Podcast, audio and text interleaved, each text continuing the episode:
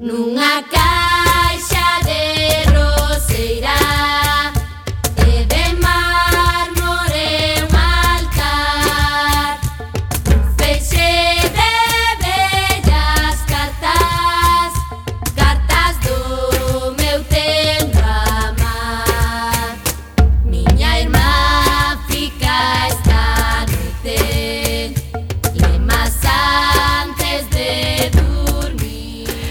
Ola, que tal, recendeiras e recendeiros? Benvidas e benvidos a este espazo radiofónico semanal dedicado á cultura que facemos en rigoroso directo todos os martes a 7 da tarde aquí, en Cuac FM no 103.4, a Radio Comunitaria da Coruña.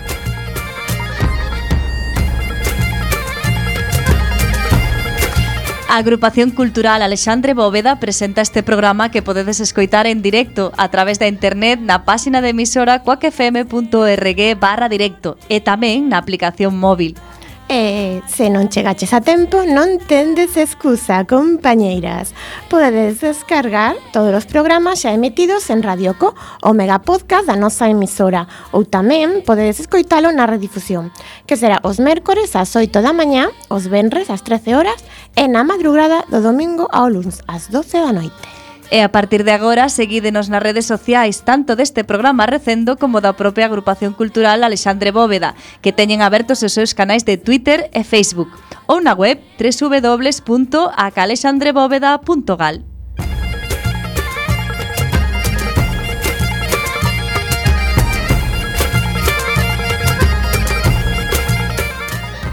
E xa sen máis imos caralo na procura desta fantástica aventura cultural con Luis Santillana no control técnico e falándolles coa Almanteira, Marta López e Gema Millán.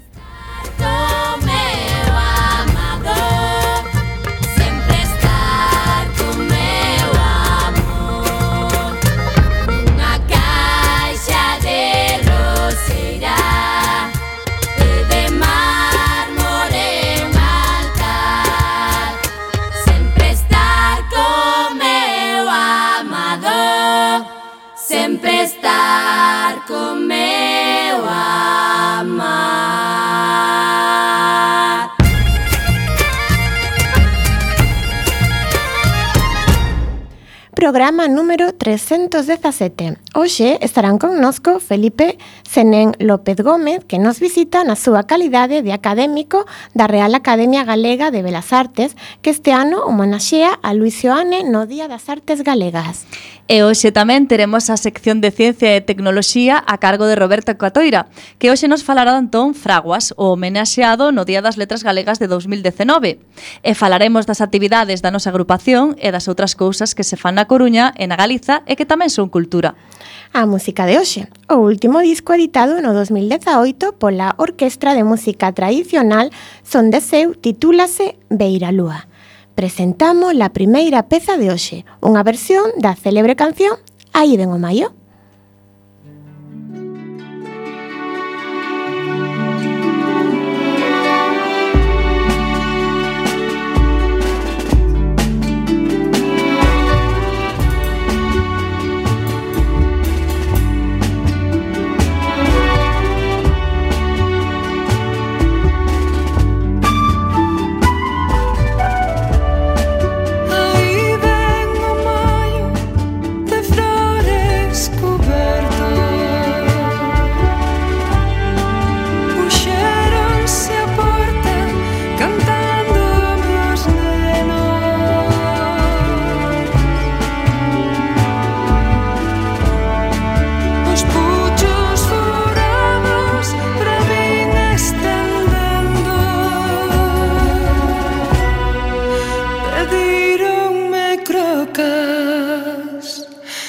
smells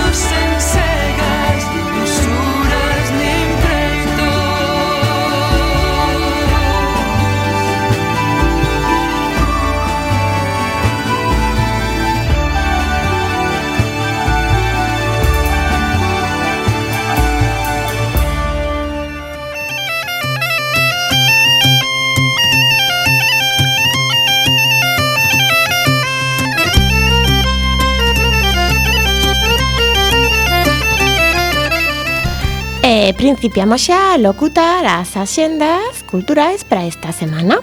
Principiamos, como sempre, coa axenda da nosa Asociación Cultural Alexandre Bóveda. O mércores 27 comeza o ciclo Xavier do Campo na voz dos amigas e das amigos para ir preparando a grande homenaxe que estamos argallando para o mércores 29 de maio no Teatro Rosalía. Queremos facer tres encontros para falar del, do seu xeito de traballar, sempre con outros creadores e creadoras da súa obra literaria, da súa afección polo cinema e comenzamos con Xosé Covas, amigo persoal e ilustrador da meirande parte da obra de Xavier Pedocampo, que será ás 20 horas no noso Salón de Actos e o luns 1 de abril o 8M supuxo ter que abordar unha cuestión que a día de hoxe segue sen pecharse dentro do feminismo, a prostitución.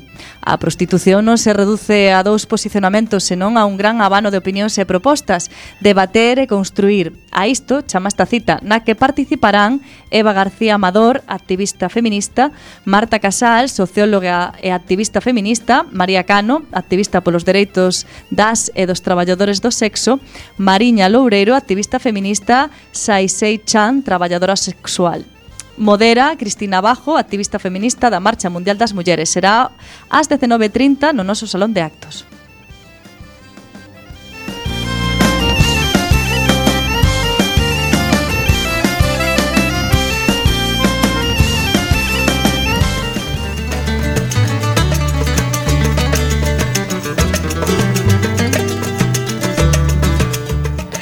Seguimos agora coa Xenda Cultural da Coruña. Comenzamos polo audiovisual. O Festival Nómada da Cultura Africana Harmatán constitúe unha proposta conxunta do Teatro Colón e do Teatro Rosalía para chegar á cultura nómada a través das artes. Mentres que o Teatro Rosalía acolle as propostas de teatro e danza, o Teatro Colón aborda a temática dende o cinema e o debate. Esta vez anunciamos a proxección e debate posterior da película Walai, coproducción de Burkina Faso, Francia e Qatar, con audio en francés e diula e subtitulada en castelán. Walai describe a vida cotiá en Burkina Faso a través dos ollos de Adi, un mozo francés de 13 anos que visita os seus parentes en África Occidental. Será o Benres 29 ás 11 horas no Teatro Colón con entrada de balde. Outra proxección de cine no mesmo escenario será a película O amor e a morte, dirixida por Arancha Aguirre, e que recrea a historia apaixoante e tormentosa do compositor Enrique Granados. Será o domingo 31 ás 19 horas no Teatro Colón. E tamén destaca o Jazz dos Proscritos, unha curta metraxe baseada na obra de teatro Saxo Tenor de Roberto Vidal Bolaño e que foi promovida pola Escola de Imaxen e Son da Coruña. Poderá verse o xoves 28 ás 19.45 no Centro Ágora, con entrada de balde.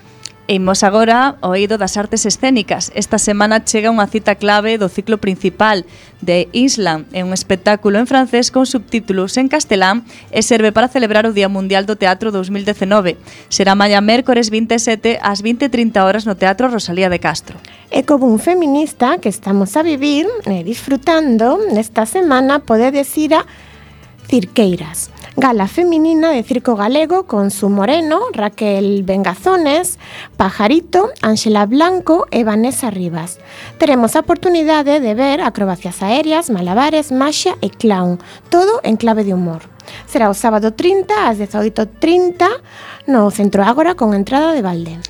En canto á música, salientamos esta semana unha máis das propostas da Sociedade Filarmónica da Coruña. Nesta ocasión actuou o dúo formado polos irmáns Trusov, Kiril e Alexandra. Poderedes velos hoxe martes 26 ás 20 horas no Teatro Rosalía. E imos tamén co segundo concerto do ciclo Estación de Jazz a Coruña 2019, o pertencente ao mes de marzo. O Pablo Samamestrío presenta seu disco debut, titulado 1604 no que se mesturan jazz e world music. Lembremos que o trío está formado por Pablo Pérez Amamed, contrabaixo, baixo eléctrico, Iago Mourinho, piano e Bruno Couceiro, batería. Será o xoves 28 ás 20.30 horas no Teatro Colón.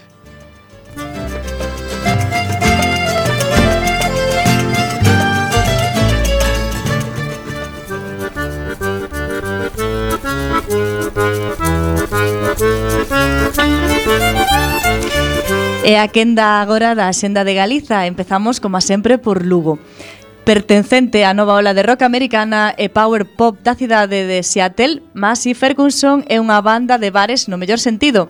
Non unha banda relegada a eles porque nunca chegara máis alto, senón un grupo que toca música perfectamente adaptada a salas escuras e abarrotadas. As súas cancións están cheas de corazón ro corazóns rotos e condenados ao romance nocturno. Visitan o clavicémbalo o sábado día 30, 30 ás 23.30. E pegamos un chimpa taurense. Pascal Rambert escribe e monta Hermanas en dúas versións, española e francesa. Na que nos ocupa, Bárbara Leni e Irene Escolar interpretan a estas irmás no teatro principal, nunha historia dura cun inmenso conflicto, un momento de reproche e de amor, algo para toda a vida entre dous seres saídos do mesmo corpo pero profundamente dispares, unidos e sen embargo opostos, unha loita a morte corpo a corpo, o sábado 30 ás 20 horas. E imos a Pontevedra. Regresan ao Teatro Principal as matinés, achegando desta volta a cantante galega SES na estrea desta edición o sábado 30.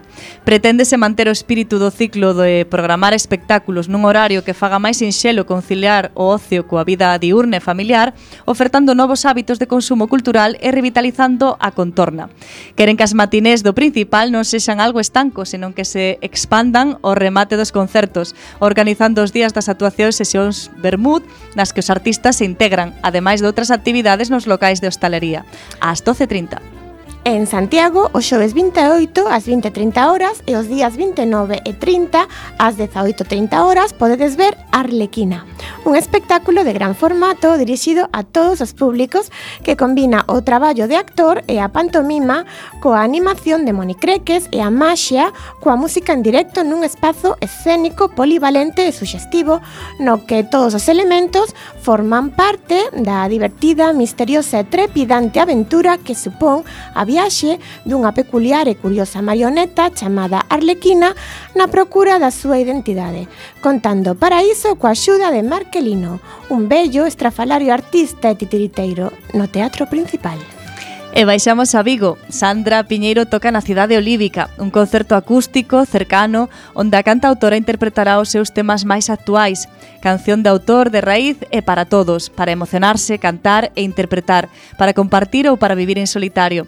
Este concerto vai ter lugar o sábado 30 ás 10:30 da noite no Café UF, situado na Rúa do Pracer, número 19 e subimos ata Ferrol.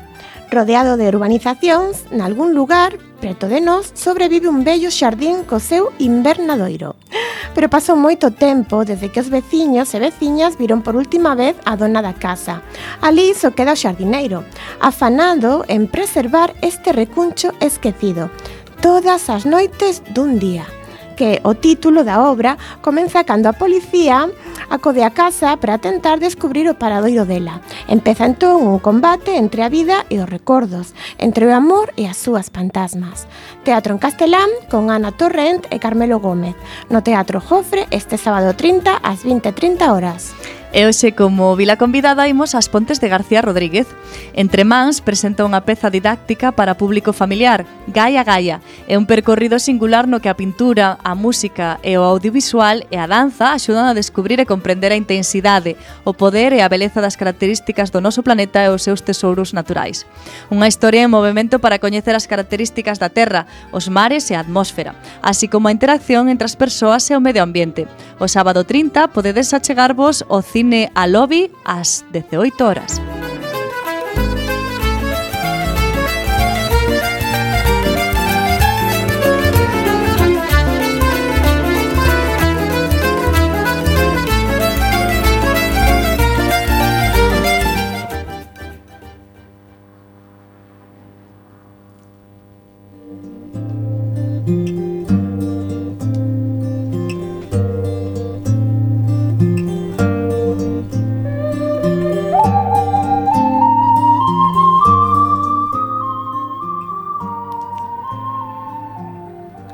Galiza, ise bello pobo, carballo carcomido de raios e vestigos, loita, dende fai séculos, o home coas ratas.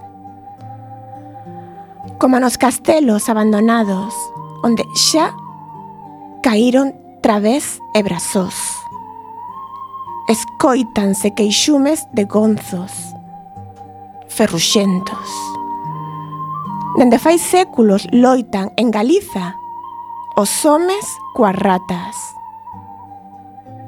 Vencendo sempre as ratas.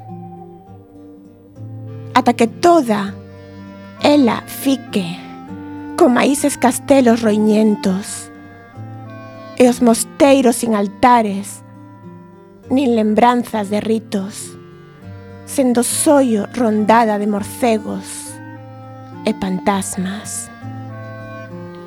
Coberta de hedra, de label, morando a sollo as ratas, somente as ratas.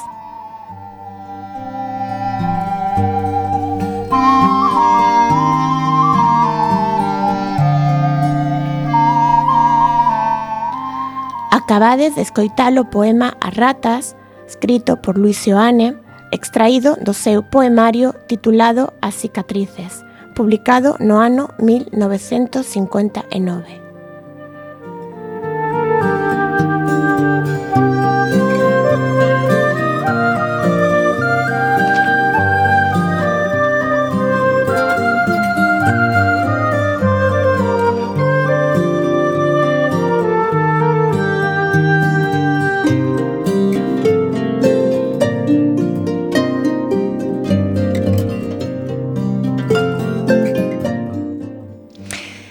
vindeiro 1 de abril celebrase o Día das Artes Galegas e o Teatro Colón acollerá a homenaxe ao pintor, grabador, editor, deseñador e poeta galego Luis Seoane. Nado en Argentina, Luis Seoane chegaría a Coruña no ano 16, logo marcharía a Santiago, cidade na que estudiaría Dereito e comezaría a relacionarse con persoeiros da cultura e a política galega por mor do seu compromiso coa República, decide exiliarse ao estalar a Guerra Civil e volta ao seu Bos Aires natal. En Argentina, continúa o seu labor como editor e da man eh, Xosé Núñez Búa funda o semanario Galicia Libre e eh, nomeado como director da revista do Centro Galego de Buenos Aires. Sempre vencellado aos medios de comunicación, tamén crea ou participa en publicacións como o Correo Literario ou Galicia Emigrante. No ano 42, xunto con Arturo Cuadrado, funde Editorial Nova e máis adiante no ano 47 a Editorial Botella al Mar, Botella al Mar, perdón. Neste editorial podemos atopar os deseños máis característicos do propio Luis Seoane e da industria literaria argentina e galega. Destacado produtor de álbums e libros de dibuxos e un dos renovadores da ilustración gráfica do século XX. Aínda que el sempre se considerou pintor, a primeira exposición dos seus óleos non chega ata os anos 40. As súas pinturas serán expostas en cidades como Montevideo, Londres e Nova York. A partir do ano 54 expoñerá anualmente na Galería Bonino de Buenos Aires. O seu traballo é merecedor de galardóns como o Premio Palanza de la Academia Nacional de Belas Artes, Bellas Artes Argentina ou a medalla de prata da Exposición Universal de Bruselas no ano 58. Como pintor, evoluiu dende presupostos máis líricos cara a vontade de síntese e a construcción a través da cor, logrando un estilo moi persoal e único. Viaxaría por Europa e mesmo se estableceu por tempadas en cidades como Xenebra e Madrid. Estas viaxes foron fundamentais para a súa formación artística e para chegarse á técnica do grabado. Nos anos 60 pasa tempadas en Galicia e xunto con Isaac Díaz Pardo crean o fundamental Laboratorio de Formas, nacido para impulsar a cultura galega. Por todo isto, podemos decir que Seoane é un, é un dos artistas galegos máis completos do século XX. Finalmente, Luis Seoane morrería no ano 79 na súa casa da Coruña que acolle a súa fundación. Para falarnos máis deste magnífico artista, temos hoxe connosco a Felipe Senén en representación da Academia Galega de Belas Artes. Moi boas tardes, Felipe. Hola, boas tardes. Que tal estás? moi ben. Ademais, moi boa introdución, ese poema tan gráfico, tan dramático que é a ratas, non? Mm. Que curiosamente tamén pasa ca obra do propio Luis Seane de seu tándem que era esa Díaz Pardo. Eles querían facer que a arte de Galiza estuvera nos bazares, non? E de aí naceron as industrias da memoria, o Castro e Sargadelos. E xa se ve hoxe que está nun estado casi en venta, non? E este é o que chama a Academia Galega de Belas Artes dentro de este día, que é o día 1 de abril, conmemorando aquel día 1 de abril do ano 1188 no que o mestre Mateo o gran creador da arte galega en parte, non? Pois fixo e puxo os dinteis do Pórtico da Gloria. E digo que ese Pórtico da Gloria e, Mate, e Mateo representan as artes de Galiza porque o pórtico é arquitectura, é escultura, é pintura, conleva elementos de, de música e, sobre todo, escenografía. E vela aí que tanto Díaz Pardo como Sebane eh, procuran, ante todo, a escenografía da nova eh, da, da Galiza contemporánea como fixo aquel que quedou na cuneta que foi o pai de Isa Díaz Pardo no? Camilo Díaz Baliño no? Bueno, íbamos ir un pouquiño ao principio Por que se escolle a Luis Seoane para recibir a homenaxe do Día das Artes Galegas? Pois mira, inicialmente, como non, no 2015, o primeiro eh, foi o Mestre Mateo, porque significa un pórtico que abre a camiños e a moitas ideas dentro da arte e da cultura galega. O segundo, non podía ser de outro xeito, é eh, Castelao, que representa a teoría e a contemporaneidade do arte eh, galego. O terceiro foi Marujamayo, non? unha muller, aquela así son sombreiro, unha rebelde eh, contrapelo, non?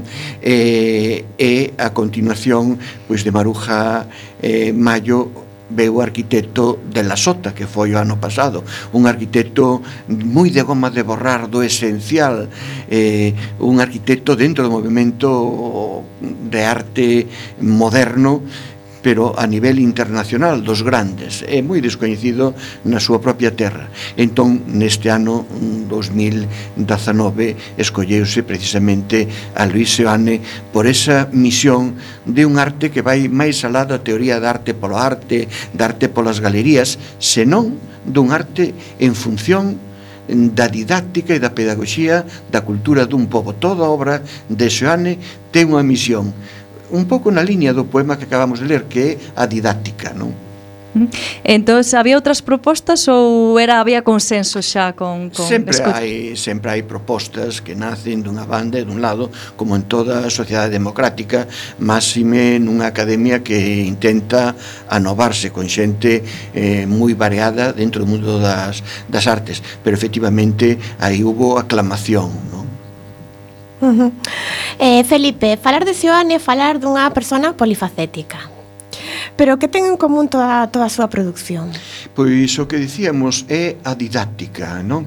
El participa en programas de radio Galicia Emigrante, eh, narrando aspectos descoñecidos, o mundo dos ouribes, o mundo dos canteiros, o mundo do cine, en, en Galicia que foi moi importante o mundo dos retratistas pequenos detalles entón mesmo a súa temática vai estar tomada da propia historia de, de Galiza. Os Irmandiños, a, Funque, a Fusquenlla eh, María Pita Inés de Bens persoeiros incluso como esquecidos con un gran respeto eh, sobre todo pola, pola muller. É unha persoa de unha gran sensibilidade. Eso no fondo, pero logo a forma. A forma del eh, é unha recreación que ven dos petróglifos, que pasa polo arte barroca, por toda a tradición da arte galego. E que non quere que quede aí, senón que se leve aos bazares, que se leve á industria, e por eso naceu en momentos moi difíciles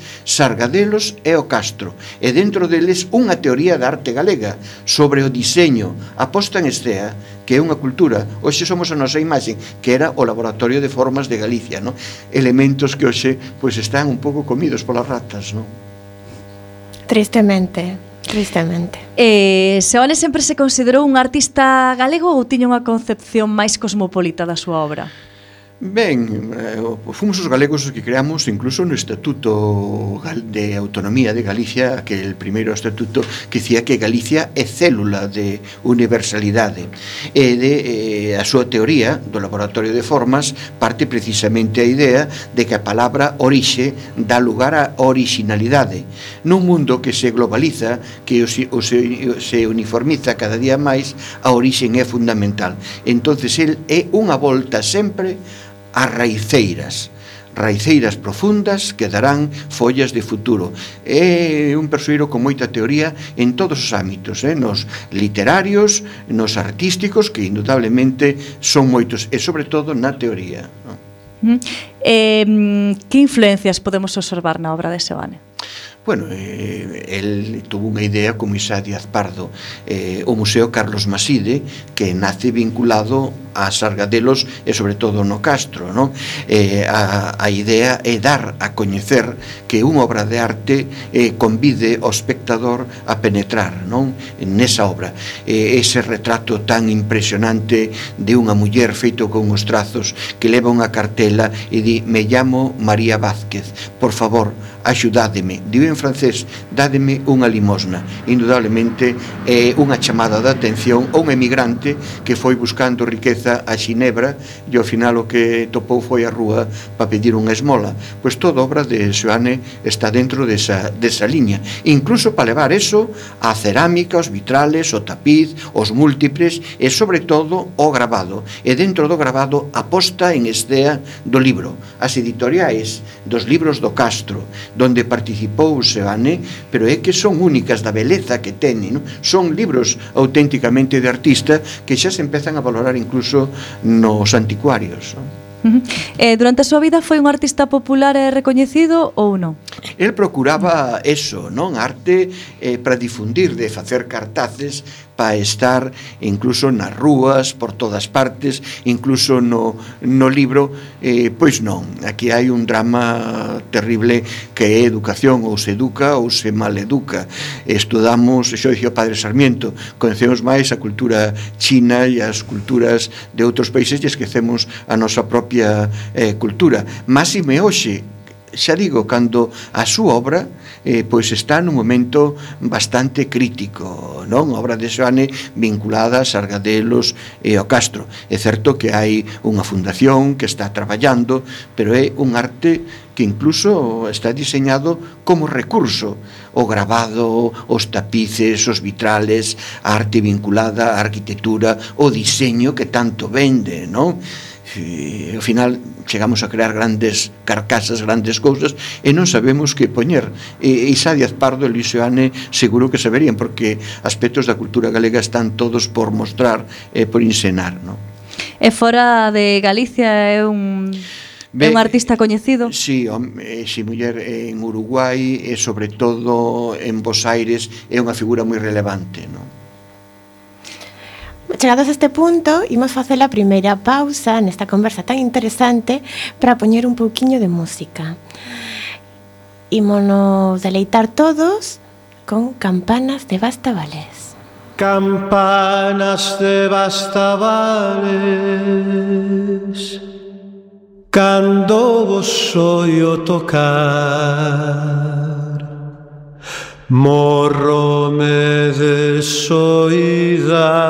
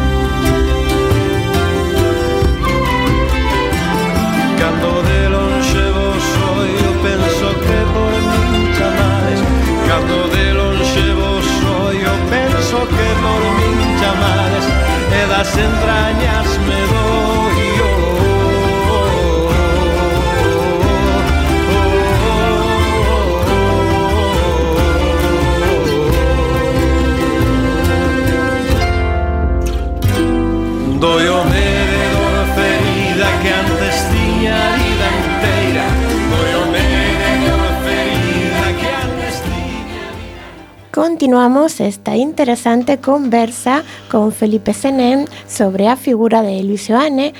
Eh, queremos coñecer xa un pouco polo miúdo a obra de Seoane. A onde nos temos que dirixir se queremos ah, profundizar? Indudablemente a Fundación Luis Seoane eh, que está na cidade bella da, da Coruña, nun, nun lugar moi emblemático, que teña unha arquitectura que leve seu nome xa é importante. Ora, claro, Luis Seoane eh, é inmenso, non? Explicar ali todo, e sobre todo a parte, digamos, industrial, que é a máis novedosa, incluso a nivel mundial, un artista en función da produción, non? Que isto é importante. E, claro, o Museo Carlos Maside de Sada tamén ten obra del que está neste momento en unha situación moi crítica. Logo, o Museo de Pontevedra, que é fundamental esa visita, aí interacciona moi ben e dialoga, como se di hoxe, pois Luís Seane con toda a arte galega da súa xeración e anteriores que hai aí. Despois, en Vigo, eh, tamén en moitísimas coleccións eh, que temos en Galicia. Galicia é un país moi de coleccionistas. Nunca se tratou nada ben isto por parte da administración no, de, de mimalos. De coleccións privadas. De coleccións privadas, porque esas coleccións feitas con tanto amor, con tanto agarimo, no futuro poden ser a base de un museo. E indudablemente no Museo de Belas Artes de, de Bos Aires, en Uruguai, Luis Xoane está moi ben representado, pero é un artista con moitísimas facetas e con moita teoría, moita literatura detrás de sí. E logo pensando en un arte para romper ca élite, non? Con ese mundo de intelectuales pe intelectuales, recollendo a lección de Castelao, que fuxo eh, os dibuxos de guerra, as cousas, todo para concienciar. Pois Xoane é eh, exactamente, e moitos outros artistas galegos estuveron nesa liña, o propio Isaías Pardo, nesa liña de trascender do ego. Uh -huh. E falando da faceta mm, da Argentina, que pegada garda Argentina de, deste de artista? Ben, pois sempre se dixo que Bos Aires era a sétima capital de, de Galiza, non? E de feito, a todo emigrante que hai ali chamanlle gallegos, gallegos non? Eh, Pero era eh, bonairense de nacimento. Eh, Luis Gallego, eh, Luis Seoane era un gran representante, pero con moitísima dignidade. Luis Seoane un gran loitador contra esa tendencia que temos en tantas ocasións o esperpento, non? O seu era dignificar eh, en varios centros eh, galegos pois a súa pegada aínda quedou aí, pero sobre todo en centros de, de vanguardia, no centro republicano, con Arturo Cuadrado, E con moitos outros, sobre todo do mundo da literatura, como foi Rafael Dieste, despois vinculado aos grandes escritores hispanoamericanos, non? Desde eh, García Márquez hasta Neruda ou Mario Benedetti, eh, aqueles que iban ao Tortoni a tomar o café. Vas a ver ao Tortoni tomar o café e ali ves un cuadro eh, con unha alusión de aquí tomou café eh, o gran dibuixante galego Luis Seane. E iso emociona emociona moito porque lle diu unha cara nova a canto significaba Galiza, non? Eh, ti que pensas? Que se perderon moitas das súas obras ou por a contra temos a bo recaudo do seu patrimonio? Ben, o seu patrimonio está a bo recaudo a fundación eh, que está formada por un colectivo e por unha directora e polo que se preocupan, pero incluso el en vida eh, tuvo esta vista, vista boa de deixalo en boas mans. A súa biblioteca que é unha biblioteca moi variada de arte e sobre todo de teoría da arte está na Academia Galega, non? O sea, que é dos, dos grandes creadores que se pode seguir a pista eh, perfectamente, non? Pois estamos a falar de Luis Oane e ora imos a falar de outro grande da cultura galega, de Antón Fraguas Fraguas, dun texto que nos preparou con moito agarimo o noso querido Roberto Catoira, que hoxe non está connosco, pero fixo os deberes e fixo a súa sección de Ciencia e Tecnoloxía. Imos primeiro a escoitar a súa sintonía. Quero alcanzar a cúpula máis alta, avistar da torre Vía Láctea Sumir o negro das colunas Resplandecer en lámpadas de gas. Eu astronauta lírico en terra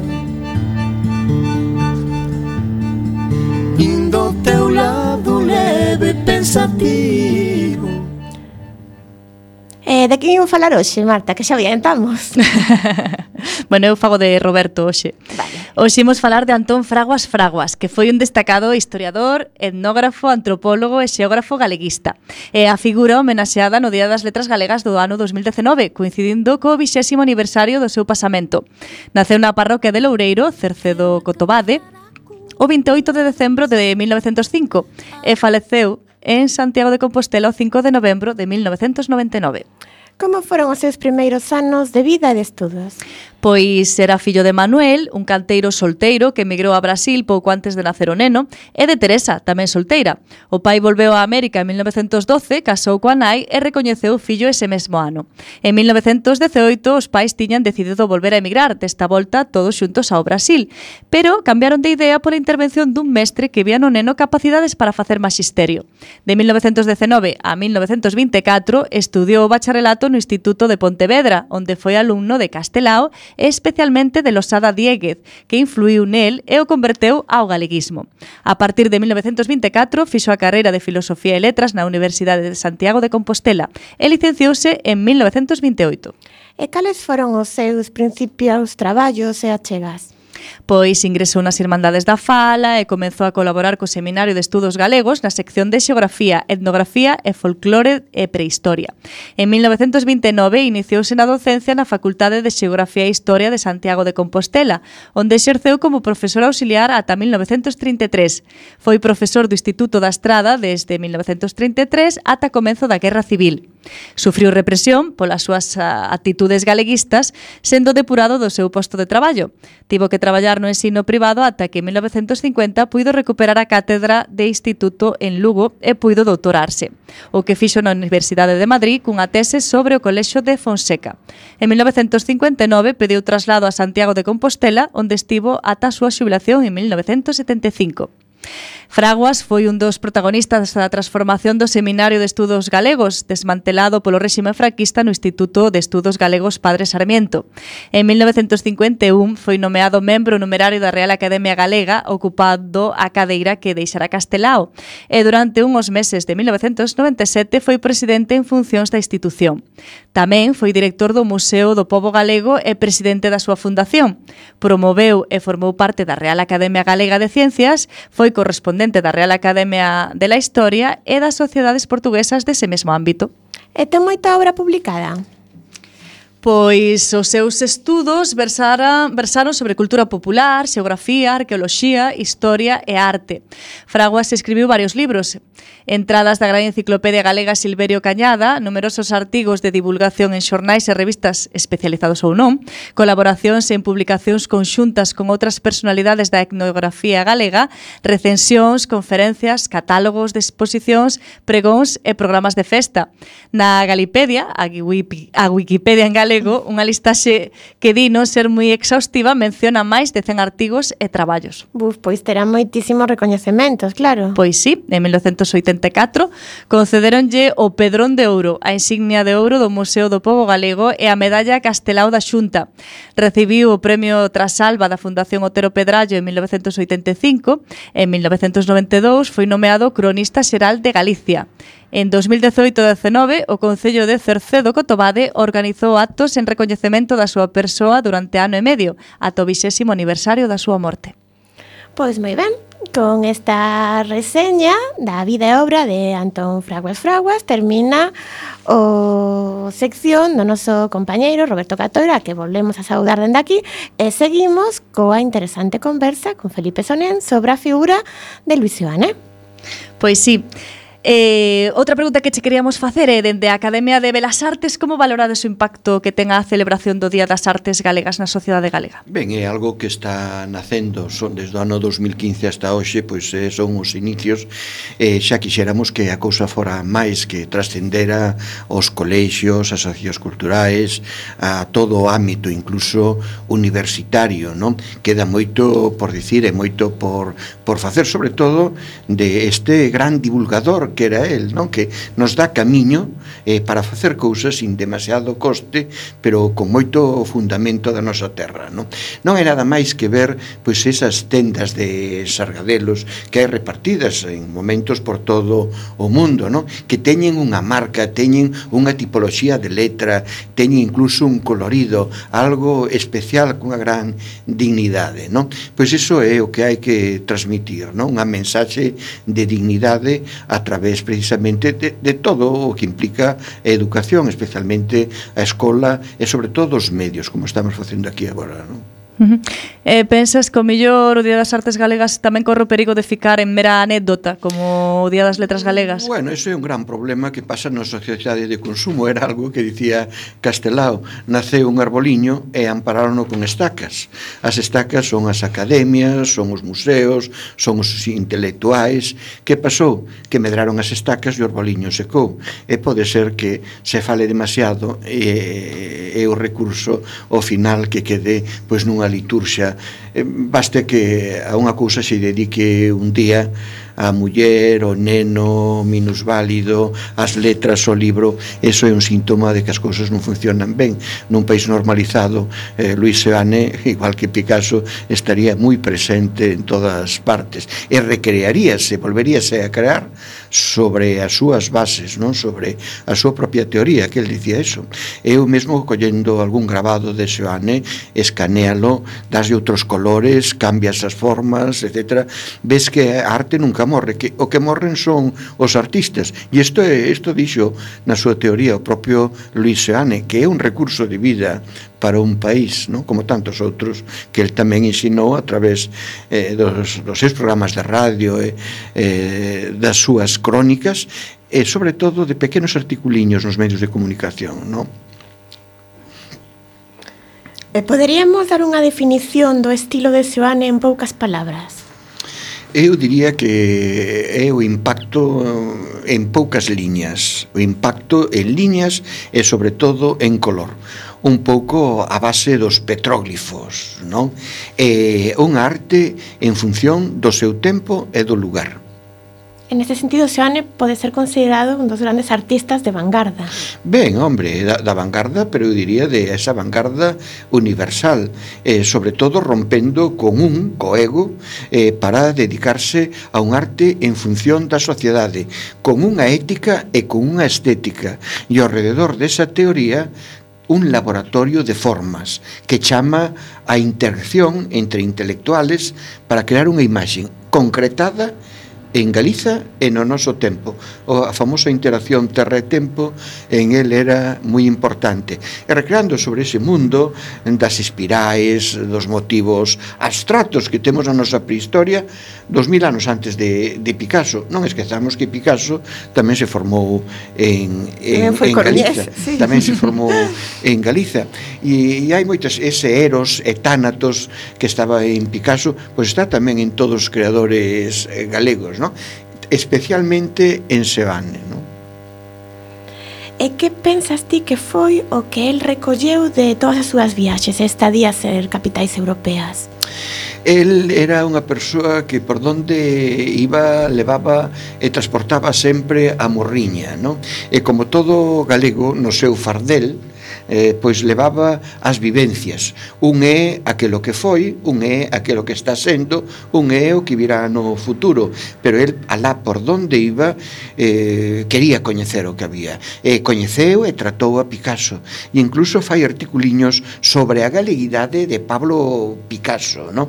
donde vai vai vendo todo desde unha óptica desde un sistema métrico galego. Non todo ten relación con Galiza. aínda sendo el como era eh, xa argentino, pero de pais galegos. Eh? A súa cerna, o seu ADN era auténticamente galego de ida e volta. Non? Uh -huh. E xa nos falache de algún, bueno, un dos seus colaboradores era era Díaz Pardo, pero aparte del tuvo outros colaboradores. Ese é un tándem fundamental. Un e outro van moi vinculados. O gran ideólogo indudablemente era Luis Seane, o gran creador, no? Eh, o traballo de Formiga, a praxe, eso era eh, o propio Isá ademais de dunha frase moi comunista e moi de respeto en momentos de dictadura de censura e de medos non? de crear eh, o castro de crear sargadelos de darlle vida eh, de competir non?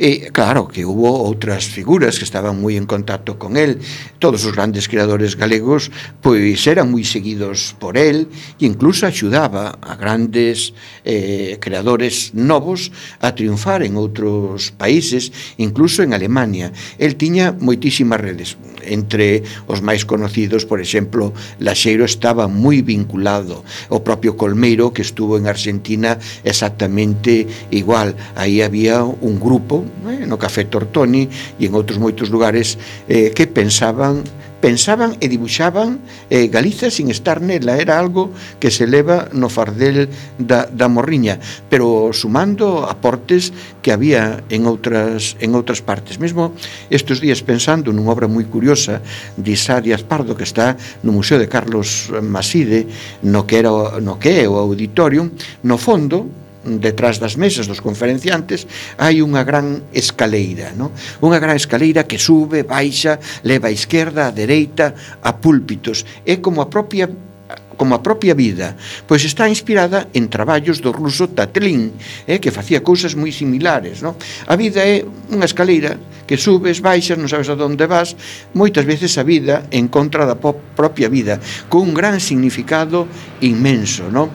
Eh, obra que está tamén moi en relación con canto fai Seoane, ti vas a Sargadelos, e Seoane na entrada de Sargadelos fai un mosaico sobre o que lle pasou a Ibáñez, Raimundo Ibáñez, que era o marqués de Sargadelos, modelos que no século XVIII crea aquelas industrias e ao final, polos seus propios obreiros, é, é maltratado e acusado de liberal, de afrancesado, etc. etc non? Ironías do destino, a espiral da historia, a dialéctica da historia que parece que se repite pero de formas diferentes. Non? E cal era o objetivo perseguido por Seoane Díaz Pardo ao crear o Laboratorio de Formas? Era unha nova imaxe contemporánea de, de Galicia. Eh, temos unha tendencia eh, moi dada ao, ao esperpento, incluso é dramático eh, que se fala agora que los gallegos llevaron el feísmo a Argentina, no? perdón, al, ao feísmo a Cataluña. Eso foi un artigo que vin eu fai uns días. O sea que Antonio Fraguas, de vivir uns anos máis, incluiría dentro de etnografía o feísmo, porque é certo que unha cultura faise, pero tamén se a cultura tamén se degrada, eh? se a cultura se, en definitiva, eh, que a nosa cultura están pasando moitas cousas, botellón por medias, festas populares, o que é o naseiro, o que son os caneiros, o berro seco, están moi degradadas. Eh, eu mesmo non son nada partidario. A praia é un lugar inmaculado na tradición galega, como faltan as campas para facer a fogueira de San Xoán, pois é unha aberración levar as fogueiras á praia e contaminar eso. Claro, ten a súa beleza, o lume, o mar, é unha tradición que é falsa, é un fenómeno recente de 30 anos para aquí, ou quizá menos, non? Uh. E consideras que Galicia maltratou o labor realizado polo laboratorio de Sargadelos? Eh, ben, pois iso é un tema que está está no debate. O laboratorio de formas está de ser un país culto e civilizado, ten que reflexionar sobre a súa orixen, donde radica a súa originalidade que é o aporte á cultura universal, esa célula de universalidade que dicían os antigos e que dicía o propio Lisoane que temos que, que buscar a nosa marca de de ser, non? Non outras que temos como pobo tamén sometido e degradado, falábamos deses feísmos que son efecto de unha causa, que é o sometemento, a crisis de identidade, etc. Luis Seane era a dignidade e era a valentía, esa valentía dese poema das ratas que lichedes vos, que efectivamente é así, pero a forma de curar eso é asumir a enfermedade, as enfermedades que, que temos un país que está axudando a facer imperios e es que se es que enriquecese de se mesmo, pero a través da historia. Mírense que mandou en España, hoxe, onte, e anos atrás, etc. etc. No? O reino galaico portugués o reino galaico portugués con León eran donos de todo o mundo en definitiva eh, Portugal non se separa de España que non expira eh, eh, eh separase do reino de Galicia e do reino de León que é a mesma historia, estaban os reis aí e usábase a un Santiago apóstol patrón de las Españas amigo del Señor, meténdolle unha espada na mão como un santo Adail, que é moi poquiño cristiano eso, pero esa historia esa historia hai que aprendela no? é que un día fomos os creadores de Europa contemporánea do primeiro reich. O primeiro reiche, o Camiño Santiago, é Carlomagno, non? Esa Europa que vai ter capital en Aquisgrán a través do Camiño de, de Santiago, que son cousas curiosas. Os que levamos o xamón a Andalucía, as procesións, que logo triunfan ali, curiosamente, pois foron os, os galegos, os arrieiros, os maragatos, eh, que levaron a cultura e tantos produtos, e con eles tamén viaxaban as palabras, non cabe duda, e moitos xeitos de, de ser. Ao fin e ao cabo, os reis de Galicia, onde están enterrados. Alfonso X está en Sevilla, igual que seu pai, o rei Fernando, ou en Toledo, etc. ¿no? Pero son cosas que a historia repite. Temos que empezar por aí, de querer ao noso propio, empezando polo idioma, por os seus creadores, os que buscaron unha marca, unha identidade nosa para ofrecelo e acuñalo na cultura universal, que logo non conta para nada. A uns metros daqui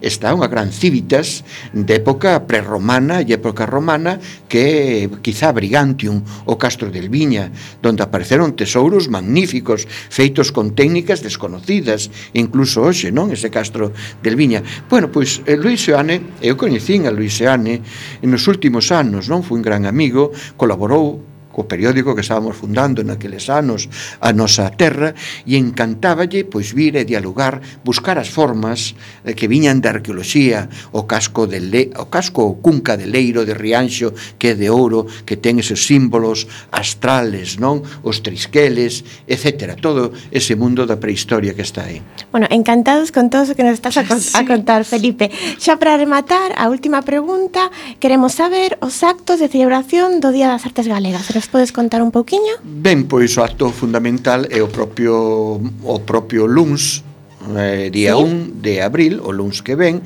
ás 8 da tarde, hai un acto no Teatro Colón, organizado pola Academia, con autoridades, unha especie de misa e de gran ceremonia, donde a persoa importante eh, casi era como fillo de Luiseane, que é Xosé Díaz, Xosé Díaz é fillo de Isaac Díaz Pardo, pero viviu moi profundamente eh, o que significaba Luis Seane. E ele é membro moi significativo da Fundación Luis Seane. Se houve unha persoa que viu intensamente a vida e a obra e as preocupacións de Luis Seane, ese foi Xosé Díaz que será o que fale xunto con Quintana Martelo que é o presidente desta Academia Galega de Belas Artes. Non? Pois moi ben, encantados, gracias por vir. Nada, gracias a vos por esta oportunidade tamén. Foi un placer escoitarte, Nada. a verdade aprendemos moitísimo da, como, da figura de Luis Seoane. Como sempre que ves, Felipe, como sempre que ves. Bueno, porque Galicia é un país que hicimos máxico porque ten fondas, moi fondas reiceiras, non? Pois encantados. Temos que rematar o programa, verdad, Marta? Sí. E sen eh, tempo para máis odiseas. Imos chegando na fin do camiño deste recendo. Despedimos o programa de hoxe Agradecendo aos nosos convidados que como sempre son de honra. E hoxe contamos coa presencia de Felipe Seneme Que veu a falarnos da figura de Lisoane eh? E agradecendo a semente é pedra angular de todo o noso comando e equipo de producción formado por Javier Pereira, Gemma Millán, Manu Castiñeira e Roberto Catoira. E aquí estivemos Luis Santillana nos controis e eh, coalento do micrófono a ben querida Gema Millán. E a encantadora Marta López.